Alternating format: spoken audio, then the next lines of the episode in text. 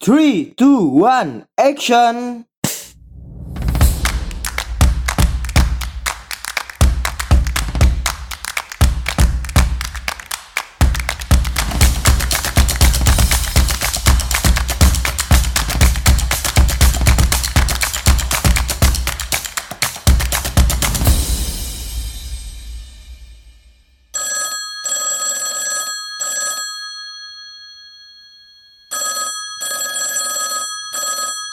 Selamat datang kembali di Pod by MA, tentunya di program Anak Komunikasi. Ya, para pendengar Pod by MA, tentunya pada pertemuan kali ini sama seperti pertemuan pada minggu lalu di mata kuliah-mata kuliah yang lainnya. Yang cover dari podcast kali ini saya berikan brush, jadi uh, di backgroundnya itu ada COVID-19. Karena pada momentum pada minggu-minggu ini beberapa instansi, terutama perguruan tinggi, uh, melalui arahan dari Kementerian Pendidikan, kemudian Gubernur NTB, bahkan Bapak Presiden meminta untuk kita itu bekerja di rumah. Dan saat ini saya sedang menyiarkan materi perkuliahan yang seharusnya itu disiarkan pada pertemuan ke-7, pertemuan ke-8, tetapi saya membuatnya ini adalah video yang pertama. Nah, di pertemuan-pertemuan sebelumnya di mata kuliah yang lain ada beberapa yang sudah saya buat dan kali ini saya akan uh, menjelaskan tentang perkuliahan metode penelitian.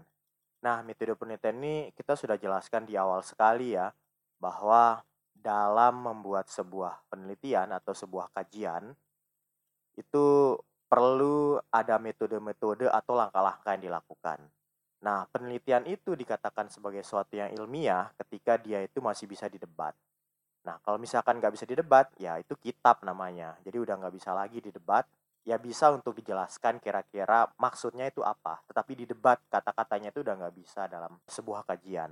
Nah, tetapi ilmu pengetahuan itu jika dikatakan dia itu ilmiah, harus bisa didebat. Nah, makanya kalau teman-teman itu misalkan lagi ujian skripsi, ujian tesis atau disertasi, itu pasti ada masukan-masukan. Nah, maka di akhirnya nanti ada kata-kata saran, saran untuk si pembaca yang ingin melakukan sebuah penelitian sama konteksnya, sama objeknya misalkan, atau sama metodenya, beda objeknya, beda konteks waktu dan ruangnya. Nah, di situ disarankan bahwa penelitian kalian itu hanya membahas apa? A, B, C, D, E gitu sehingga uh, masih ada FGHI yang belum dijelaskan. Nah, di situlah tujuannya sebenarnya pada saat karya ilmiah itu atau uh, riset ilmiah itu masih bisa didebat atau masih bisa dikembangkan lagi lah, terutama untuk ilmu-ilmu sosial. Karena ilmu sosial kalau kita bicara bukan hitungan bulan, bukan hitungan tahun, tapi hitungannya per detik itu bisa berubah-ubah kajian sosial. Maka penting uh, kita pahami bahwa sesuatu yang kita kaji, sesuatu yang kita teliti itu akan berubah dalam beberapa waktu yang mungkin akan sangat cepat. Nah, salah satunya adalah penelitian sosial. Nah, dari situ dulu kita memahami tentang penelitian sosial. Ketika kita sudah memahami bahwa penelitian sosial itu bisa didebat, kemudian akan berubah-ubah dengan sangat cepat, baru kita menentukan kira-kira apa yang tema akan kita lakukan. Nah, di pertemuan-pertemuan sebelumnya mungkin saya sudah jelaskan sampai kajian pustaka mungkin ya, ya sampai kajian pustaka. Tapi nggak apa-apa kita bahas dari awal untuk orang-orang yang mungkin baru mendengar di pertemuan pertama ini.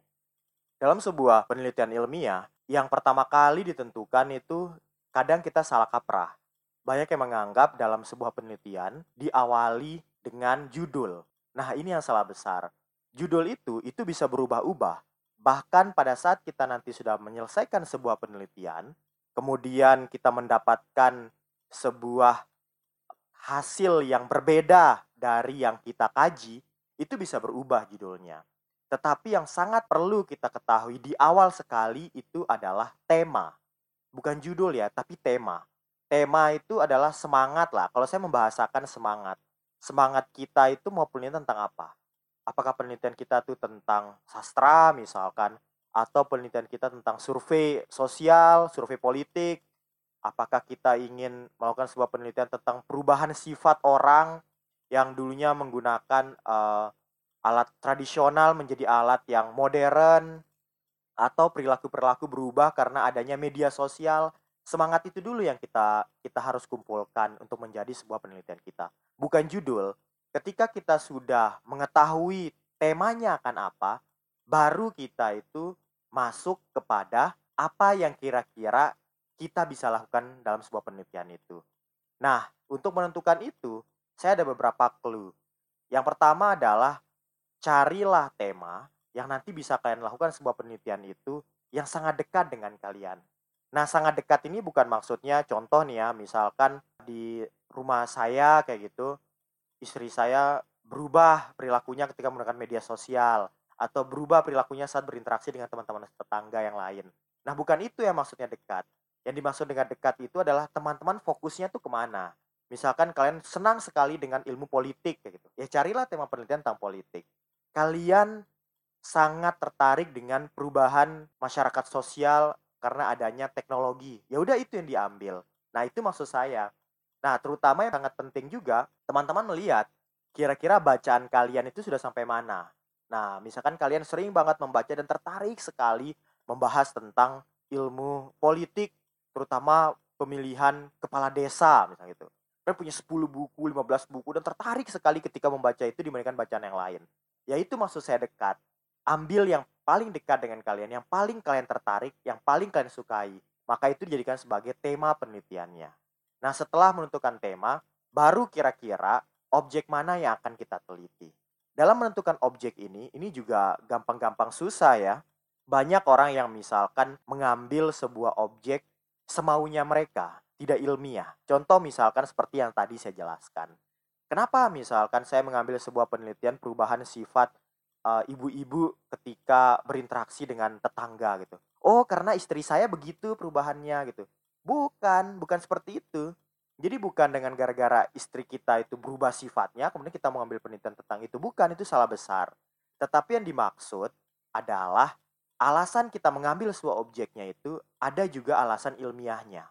Contoh, misalkan saya pernah melakukan sebuah penelitian di SD Negeri 2 Kabupaten Sumbawa saya meneliti tentang perubahan sifat dan perubahan sikap anak-anak dalam menggunakan media sosial.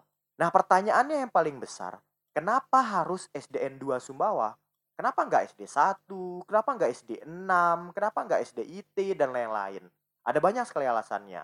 Nah, namun yang menjadi alasan ilmiah saya adalah SD Negeri 2 Sumbawa itu salah satu sekolah yang sudah menerapkan kalau tidak salah multimedia atau sudah berbasis teknologi lah itu istilahnya. Sehingga ketika saya ingin menjadikan SD2 itu sebagai objek penelitian, saya cocok dan dia salah satunya ya yang ada di NTB dan mungkin satu-satunya yang ada di Sumbawa sebagai informasi yang disampaikan oleh kepala sekolahnya waktu itu. Maka itulah saya mengambil penelitian tentang perubahan sifat atau sikap anak-anak dalam belajar menggunakan teknologi dan objeknya adalah SD Negeri 2 Sumbawa. Seperti itu. Atau misalkan kita bicara SDX misalnya, misal SDX tentang kekerasan setelah menonton tayangan di YouTube misalkan.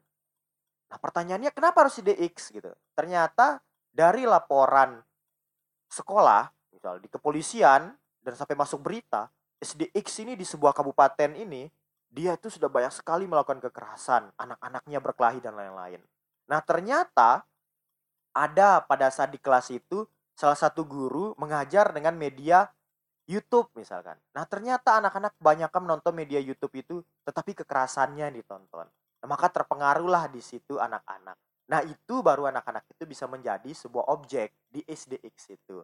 Nah ini yang saya maksud dengan alasan ilmiah. Ketika kita sudah menentukan kira-kira alasan ilmiah objeknya apa, tema yang kita ambil apa, baru kita melanjutkan ke dalam sebuah penelitian ada banyak yang bertanya, di dalam sebuah penelitian itu kadangkala strukturnya berbeda-beda. Ada dosen yang tidak mengerjakan bab satu langsung ke bab dua. Ada yang langsung bahkan mengerjakan langsung hasilnya. Nanti di akhir baru mengerjakan bab satu. Nah kalau saya secara pribadi menjawabnya mana yang benar mana yang salah, jawabannya adalah semuanya sah-sah saja. Di dalam kelas saya sering jelaskan bahwa seorang dosen itu membawa paradigma pendidikannya masing-masing. Ada dosen yang berkuliah di kampus X, ada kuliah di kampus Y, ada yang berkuliah di kampus A, di kampus B. Mereka memiliki pandangan-pandangan dan cara-cara penelitian yang dilakukan. maka tidak ada benar yang salah. Yang benar adalah ketika dia selesai melakukan penelitian. Yang salah ketika dia nggak selesai melakukan penelitian. Jadi itu yang uh, salah dan benarnya ya. Yang benar itu harus selesai penelitiannya. Langkahnya mana yang dilakukan. Namun kebanyakan beberapa universitas itu melakukan dengan bab satu. Dan ada beberapa universitas yang saya juga lakukan. Alurnya adalah yang pertama tema, seperti tadi yang saya jelaskan. Setelah itu baru saya berbicara tentang latar belakang. Kedua adalah rumusan masalah Ketiga adalah tujuan. Selanjutnya adalah manfaat. Dan selanjutnya ada kajian pustaka. Nah, sampai minggu lalu kita sudah membahas tentang kajian pustaka. Selanjutnya teori dan metodologi penelitian. Terakhir yaitu sistematika penulisan. Nah, pada hari ini kita menjelaskan sampai gambaran kerangka teori saja. Namun sebelum kita menjelaskan tentang kerangka teori, saya perlu menjelaskan di awalnya dulu sebagai refresh yang kita pelajari pada minggu-minggu yang lalu. Tadi kita sudah menjelaskan sampai tema dan objek penelitian. Selanjutnya tentang latar belakang penelitian. Nah, latar belakang penelitian ini simpelnya ya. Saya biasanya kalau mengajar itu kebiasaan membuat mahasiswa mudah untuk uh, membahasakan sebuah pengertian yang mungkin kita menghafalnya atau susah untuk kita terima. Apa sih sebenarnya latar belakang itu? Kalau saya membahasakan latar belakang itu sebagai cerita. Nah, jadi cerita kenapa kita sampai tertarik untuk melakukan penelitian tersebut. Contoh nih, misalkan saya meneliti tentang uh, perubahan sikap atau sifat anak SDN 2 itu. Saya bisa menceritakan misalkan saat ini perkembangan zaman itu sudah sangat berubah gitu. Dulu waktu saya kecil orang bermain gadget itu untuk orang-orang kaya. Bahkan gadgetnya pun itu tidak sangat uh, apa ya mempengaruhi sifat-sifat anak-anak gitu. Kita kebanyakan main di luar, kemudian bersosialisasi bersama anak-anak ketika pulang sekolah dan lain-lain. Nah, namun sekarang dengan perkembangan zaman ada perubahan dan pergeseran-pergeseran beberapa sifat dan sikap yang itu terbawa akhirnya ke sekolah. Akhirnya pada saat dia bersosialisasi di sekolah itu menjadi lemah dan kemudian itu menjadi bahaya juga untuk anak-anak misalkan. Tentunya dari sumber-sumber yang saya ambil ya. Nah, ini yang nanti kita jelaskan selanjutnya. Nah, di akhirnya saya ingin tertarik meneliti tentang SD2. Kenapa? Di tengah sekarang perkembangan zaman kok SD2 ini mau-maunya dia membuat sekolah yang multimedia, bisa memanfaatkan teknologi. Apa manfaatnya? Bagaimana sikap-sikap yang berubah? Bagaimana dia menggunakan media tersebut dan bla bla bla bla bla. Nah, di situlah maksud saya cerita. Jadi cerita dari awal sampai akhir. Nah, tetapi dalam cerita-cerita tersebut, tolong diperbanyak kajian-kajiannya. Nah, seperti ini paling simpel. Kalian sudah membawa pandangan-pandangan apa yang akan kalian tulis. Nah, itulah tujuannya tadi saya jelaskan di awal sekali tentang tema. Kalian harus mencari tema yang sangat dekat dengan kalian. Setelah kalian sudah mendapatkan tema yang paling dekat dengan kalian, maka kan akan mudah juga ingin membahasakan seperti apa. Nah, ketika kalian sudah tahu ingin membicara A sampai Z, nah kalian taruh kajian-kajian di tengahnya. Misalnya kalian menjelaskan tentang perubahan sifat orang atau anak-anak ketika masuknya teknologi. Apakah itu benar? Benar, tidak ada yang salah. Tapi perlu kalian menambah kajian-kajian. Misalkan menurut penelitian A, ada perubahan sifat yang ABCDE. Nah, itu bisa menambah memperkuat bahasa kalian. Ketika kalian sudah menjelaskan sebuah opini di atas, bisa ditambah dengan sebuah kajian di bawahnya. Dari kajian itu, kalian kembangkan juga opini dari bahasa kajian kajian di atas tadi itu dibahasakan, setelah itu ditambah lagi dengan kajian. Sehingga isi latar belakang adalah sebuah cerita ilmiah yang kalian kutip dari beberapa kajian-kajian. Nah, yang perlu digarisbawahi lagi tentang mengutip. Mengutip ini ya bahasa yang paling sering dibahasakan di dalam sebuah kajian ilmiah adalah paraphrase atau membahasakan ulang. Membahasakan ulang adalah bukan mengcopy paste, bukan dari buku ABCDE kalian copy langsung ke penelitian kan ABCDE bukan.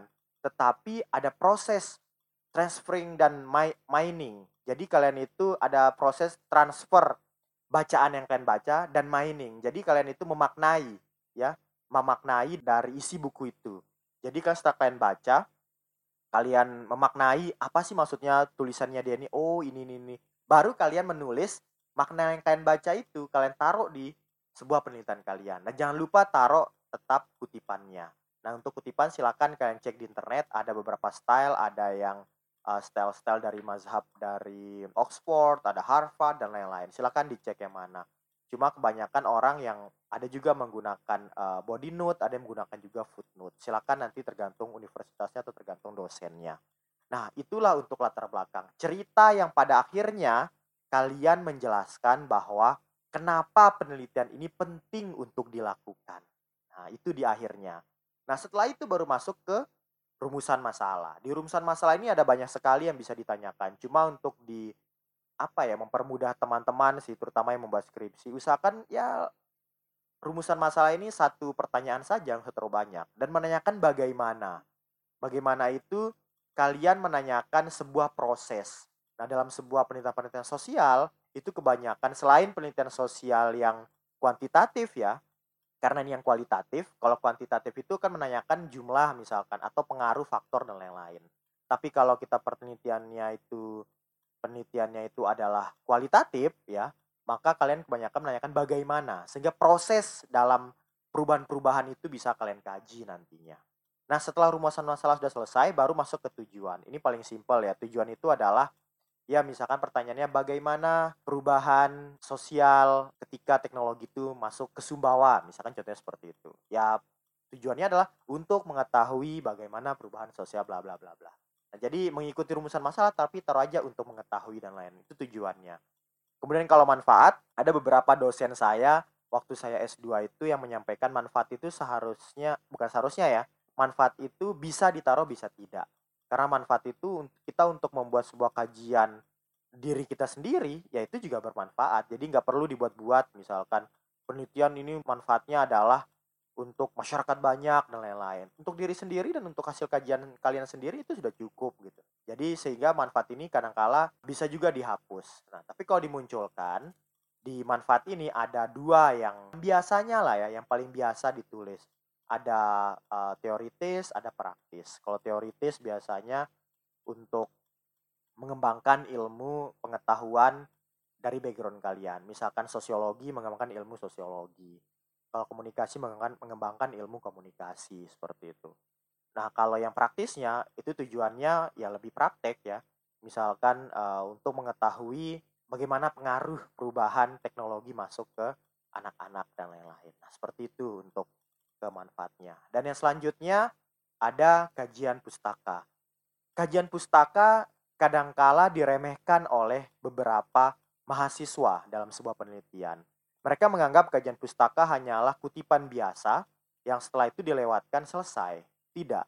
Tapi kalau saya secara pribadi menganggap kajian pustaka itu adalah salah satu subbab. Semuanya penting ya, tapi kajian pustaka menjadi salah satu subbab yang sangat penting menurut saya. Kenapa? Yang pertama yang perlu kita ketahui, apa sebenarnya kajian pustaka itu? Kalau secara simpel, orang bisa mengartikan kajian pustaka sebagai penelitian terdahulu lah. Selesai, titik sampai situ. Tapi bukan itu aja. Tapi penelitian terdahulu itu perlu kita baca, perlu kita pahami, bahkan kita bisa mengutipnya mengutip dan mengikuti kajian pustaka tersebut. Nah, dalam kajian pustaka, yang pertama ditulis adalah judul dan nama si peneliti. Nanti akan kita jelaskan kajian pustaka mana yang paling bagus untuk kita ambil dalam penelitian kita ya. Yang pertama kita lanjutkan ya. Judul dan nama si peneliti. Kedua adalah tujuan dia melakukan apa. Yang ketiga adalah metodenya, dia bagaimana cara metode dia menyelesaikan masalah penelitiannya. Kemudian dari metode tersebut bicara terkait cara dia mengolah data dengan metode tersebut. Nah, tentunya adalah mengolah datanya ya sehingga mendapatkan sebuah hasil. Dan yang terakhir adalah hasil dan kesimpulan dari penelitian tersebut. Sehingga kalau sebanyak itu yang akan ditulis nggak mungkin setengah halaman. Jadi kajian pustaka itu kalau saya secara pribadi itu satu sampai dua halaman. Bahkan bisa sampai dua setengah halaman. Dan kajian pustaka biasanya kalau saya pribadi membuatnya itu minimal 4, maksimal 6 lah. 6 sampai 8. Tapi 6 ya lumayan lah 6 sudah cukup banyak. Tapi minimal 4. Kenapa? Karena, nah ini sebelum kita menjawab kenapa, kita perlu menjelaskan bagaimana atau penelitian apa yang terdahulu itu yang paling cocok dengan penelitian kita ya yang pertama adalah sama temanya ah ini penting banget nih sama tema saya meneliti tentang perubahan sikap anak-anak ketika masuknya teknologi. Anak SD misalnya gitu di Sumbawa. Nah ada juga penelitian ya itu juga tentang perubahan sikap. Entah itu anak-anak orang dewasa dan lain-lain. Nah itu bisa dijadikan sebuah sebuah kajian pustaka. Yang kedua adalah Bahkan sama judulnya, tapi objeknya berbeda. Kalau saya di SD 2 Sumbawa, ada orang yang meneliti tapi di SD Sukabumi, SD di Ngawi, SD di misalkan di Jayapura dan lain-lain seperti itu. Nah, jadi ini bisa diambil. Ketiga adalah sama metodenya, sama metodenya dan sama temanya misalkan kayak gitu. Kita lihat dia itu analisisnya semiotika. Kita ambil juga semiotika tapi dia menganalisa tentang perubahan sosial. Kita juga ambil tentang perubahan sosial, misalnya tentang perubahan sosial karena teknologi, misalnya seperti itu ya. Nah, dari situ itu bisa kita ambil penelitiannya. Nah, kalau teman-teman komunikasi biasanya ada tambahannya, yaitu sama judul ya, sama tema, bahkan sama objeknya, tetapi beda struktur komunikasinya. Nah, kalau anak-anak komunikasi ada tambahan ya. Karena kalau kita tuh ada yang namanya komunikator, ada namanya pesan yang dikirimkan oleh media dan ada komunikannya. Nah, dalam sebuah penelitian komunikasi misalkan, ada orang yang sama judulnya, sama objeknya, sama konteks waktu dan ruangnya, tetapi dia meneliti tentang komunikatornya. Dia meneliti tentang bagaimana strategi komunikasi, misalkan ini yang judul lain ya, strategi komunikasi radio X dalam menyebarkan beritanya. Nah, ini strategi komunikasi berarti strategi si komunikator. Nah, kita bisa melakukan penelitian yang sama, tapi komunikannya misal, bagaimana penerimaan masyarakat terhadap ya program radio X kayak gitu dalam menyampaikan pesan-pesan ABCDE. Nah, seperti itu maksud saya. Jadi sama judul, sama konteks waktu, sama tema, sama objeknya, namun struktur komunikasinya yang berbeda. Itu bisa dijadikan sebagai sebuah penelitian. Itu tambahan. Nah, ketika kita sudah mengetahui tujuan, bagaimana dan apa penelitian yang bisa dimasukkan di dalam kajian pustaka, maka kita baru bisa menjawab yang tadi.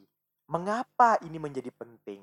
Nah, pentingnya pertama, kita terutama teman-teman S1 itu mungkin ini penelitian yang pertama kali dilakukan. Tentunya teman-teman akan ada mendapatkan kebingungan bagaimana sih cara menyelesaikan masalah ini? Bagaimana sih cara menganalisisnya, apa sih yang harus dilakukan awal? Apakah mencari data dulu?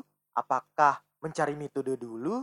Apakah datanya ketika didapatkan langsung dianalisis atau diapakan? Nah, itu jawabannya di kajian pustaka. Dengan kalian mencantum banyak kajian pustaka, maka ada banyak literatur-literatur yang bisa kalian baca, bisa kalian bandingkan, dan bisa kalian tiru metode-metodenya seperti itu. Maka di sinilah pentingnya kajian pustaka. Sehingga nanti kalian mudah tidaknya dalam sebuah penelitian, itu kajian pustaka juga adalah sesuatu yang sangat penting untuk dilakukan. Nah, sampai sini kita baru menjelaskan yang utama. Ya, walaupun kita masuk pembahasan tentang kerangka teori, tapi tidak apa-apa kita jelaskan di awal untuk merefresh lah pengetahuan kita. Yang selanjutnya adalah kerangka teori. Ada juga yang menyebutnya kerangka konsep. Yang pertama, sebelum menjelaskan apa sih isi kerangka teori, saya secara pribadi dalam membimbing mahasiswa, kerangka teori menjadi salah satu yang cukup dalam dan cukup lama untuk dibahas. Begitu juga ketika dosen-dosen saya S1 dan S2 itu membimbing saya. Dalam latar belakang itu, yang lain mungkin bisa sampai 1-2 minggu. Tapi kerangka teori saya biasanya menyelesaikan sampai satu bahkan sampai dua bulan lamanya untuk kerangka teori. Kenapa? Sama halnya dengan kajian pustaka tadi itu. Kerangka teori adalah rel, alur kalian nanti untuk melakukan sebuah penelitian. Nah, kerangka teori itu untuk mempermudah kalian membahas sebuah penelitian. Jika kajian pustaka salah satunya tujuannya untuk mempermudah metodenya, menganalisisnya bagaimana, di kerangka teori, apa yang akan kalian bahas itu yang akan menjadi salah satu dasar yang diisi dalam kerangka teori.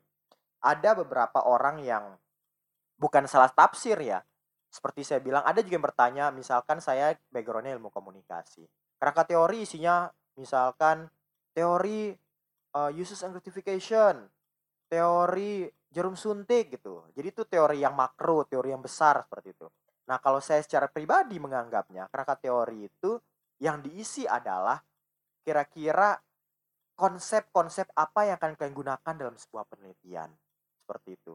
Nah, bukan berarti yang saya sebut teori-teori makro itu salah, bukan. Itu balik lagi di paradigma-paradigma atau kajian-kajian penelitian tergantung dosennya background keilmuannya seperti apa atau background universitasnya seperti apa.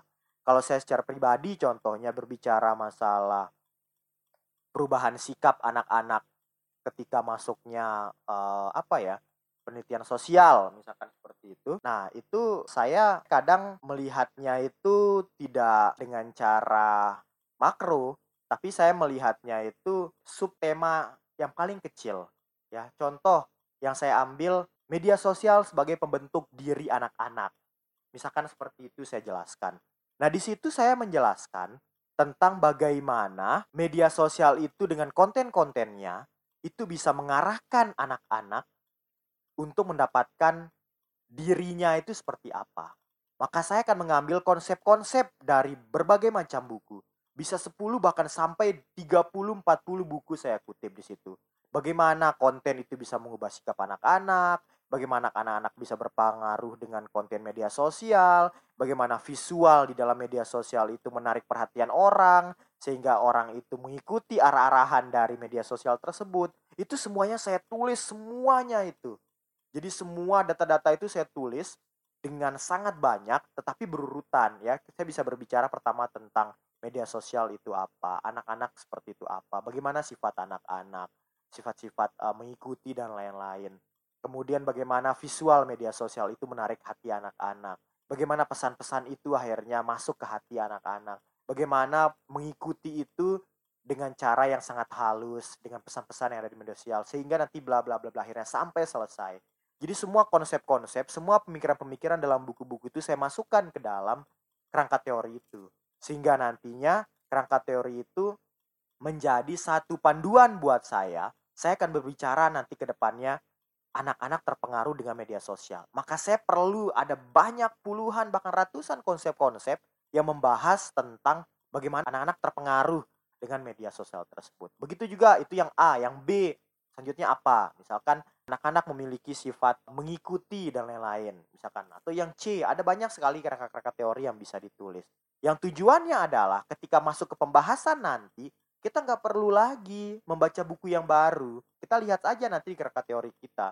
Kalau kerangka teori kita tuh sudah kaya sudah banyak maka yang kita kutip nanti itu adalah di kerangka teori kita. Sehingga itulah yang nanti akan menjadi pembahasan-pembahasan atau memperkuat argumen-argumen kita nantinya di pembahasan. Oke para pendengar Pod by MA, di pertemuan kali ini sampai kerangka teori dulu kita bahas. Insya Allah ke depannya kita akan membahas tentang metodologi penelitian. Apa-apa saja di dalamnya. Dan yang terakhir untuk bab satu ada sistematika penulisan. Tentunya tetap dengerin Pod by MA di program Anak Komunikasi di pertemuan-pertemuan selanjutnya. Yo!